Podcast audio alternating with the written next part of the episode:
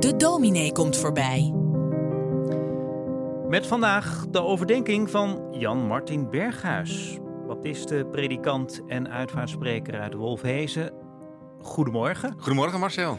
Net terug van vakantie, nietwaar? Heerlijk, heerlijk. Lekker gewandeld. Je mooi weer geniet nog gehad. na zo te zien. En een uurtje extra geslapen vannacht. Dus, Ja. eh, Mooi hè?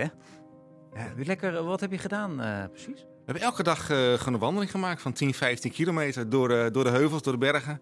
Prachtige uitzichten genoten en eh, onderweg lekker broodje eten en eh, gewoon genieten. Ja, en je komt geen mens tegen daar. Nee hoor, is het zo lekker rustig? Is ontzettend rustig, ja. Ja. ja. mis- misschien is de tijd van het jaar, ik weet het niet. Maar eh, het, was, het was heel erg rustig en daar geniet ik ook al van. Niet in, drukte, niet in de drukte van het Sonsbeekpark, om maar even iets te noemen.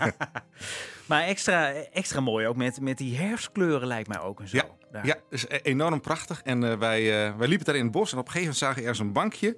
Op dat bankje stond een klein opschrift van eh, over, de, over de zevende dag. En er stond van, en God zag dat het goed was. En we gingen daar zitten en we keken en we zagen al die kleur. dachten van, ja, weet je, zo is het. En daar mag je van meegenieten. De overdenking van vandaag, aan tafel heet die. Daar ga ik het over hebben. Het is zo simpel. Eenvoudiger kan bijna niet. Wat heb je nodig? Een tafel, iets om te eten, onverdeelde aandacht en een flinke scheut nieuwsgierigheid. Nieuwsgierigheid is wat mij betreft ook een vorm van liefde. En oh ja, dan heb je ook nog een gast nodig. Wie zal ik eens uitnodigen? Jezus geeft ons een tip. In het Bijbelboek Lucas 14, vers 12 en 13. Hij zit daar bij een collega aan tafel. Jezus is een rabbi, een Joodse geleerde, en is uitgenodigd door een fariseer, ook een Joodse geleerde, om bij hem te komen eten. Niet alleen om een goed glas wijn te drinken, en juist ook om een boeiend gesprek op niveau te kunnen voeren. Men kruiste aan tafel graag de degens over geestelijke en maatschappelijke thema's. En ik vermoed dat Jezus zijn gastheer wat gechoqueerd heeft toen hij tegen deze fariseer zei... Wanneer jij een maaltijd aanbiedt of een feestmaal geeft, vraag dan niet je vrienden, je broers, je verwanten of je rijke buren in de verwachting dat zij jou op hun beurt ook zullen uitnodigen om iets terug te doen. Nee, wanneer jij mensen ontvangt, nodig dan armen, kreupelen, verlamden en blinden uit. Dan zul je gelukkig zijn, want zij kunnen voor jou dan wel niets terugdoen, maar jij zult ervoor beloond worden bij de opstanding van de rechtvaardigen. Voor wie dek jij speciaal de tafel? Wie nodig jij uit om naar te luisteren? Wie laat jij voelen dat hij of zij de moeite waard is om tijd mee door te brengen? Mijn vrouw en ik houden zo nu en dan een sabbatsmaaltijd, waarin we een beetje naar Joodse traditie er een bijzondere vrijdagavond van maken. De tafel wordt mooi gedekt, soep vooraf, een hoofdschotel en een lekker toetje na. Mijn vrouw kookt graag en is er een flinke tijd zoet mee om het voor te bereiden. Een driegangen menu, of eigenlijk zijn het er vier. Want voorafgaand worden er in Joods gebruik kaarsen aangestoken en diverse zegengebeden uitgesproken. Het is bijzonder om de anderen te zegenen in, of beter gezegd met de naam van God. En daarmee uit te drukken, jij bent gezien door God. Wij danken daarna God als gever van de heerlijkheden op tafel. Met het gebed, het Joods gebed. Gezegend zijt gij, eeuwige koning, eeuwige God, koning van hemel en aarde, die het brood uit de aarde doet groeien en die de vrucht van de wijnstok hebt geschapen. Een zegening die trouwens ook heel mooi als gezang in, liedboek, in het liedboek staat, nummer 229. Daarna eten en ontmoeten we elkaar. We hebben alle tijd voor. Ja, voor wie eigenlijk?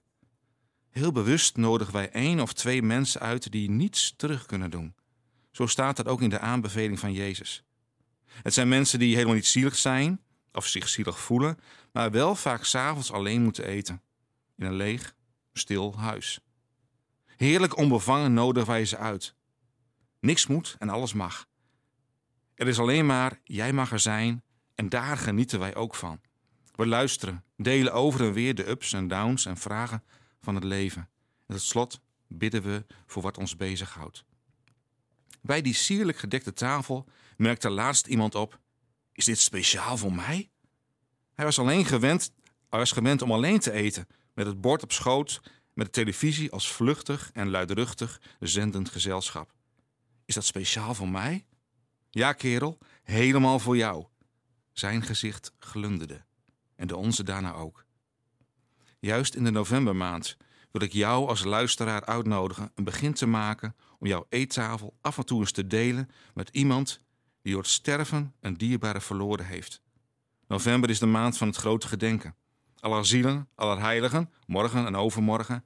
Herdenkingszondag, lichtjesavonden. De namen van overledenen die hardop worden uitgesproken. Opgezonden gebeden, kaarsjes aangestoken en nog veel meer. Alle aandacht. Maar wie spreekt jouw naam uit? Wie luistert er naar jouw kant van het verhaal als je iemand verloren hebt? Of breder nog, als jij in het leven vooral verliezen geleden hebt, er alleen voor staat of simpelweg in wat voor vorm dan ook een gebroken mens bent? In het Bijbelboek Jacobus 1, vers 27 staat hierover: Ware godsdienst is help weduwen en wezen, dat zijn kinderen zonder vader, in hun moeilijkheden. Doe wat God wil en leef niet zoals de mensen die God niet kennen. Ik zou zeggen, dek je tafel, nodig uit, deel in het geluk van de ontmoeting met een medemens en zult merken dat jij niet alleen tot zegen kunt zijn voor een ander, maar ook zelf rijkelijk gezegend wordt aan die tafel. Het werkt twee kanten op. En de beloning die Jezus belooft bij de opstanding in de laatste dagen, daar mag je nu alvast een voorproefje van hebben. Bij deze wens ik jou alvast eet smakelijk in een goed gezelschap en een gezegende zondag. En stel niet uit tot morgen wat je vandaag kunt doen. Amen.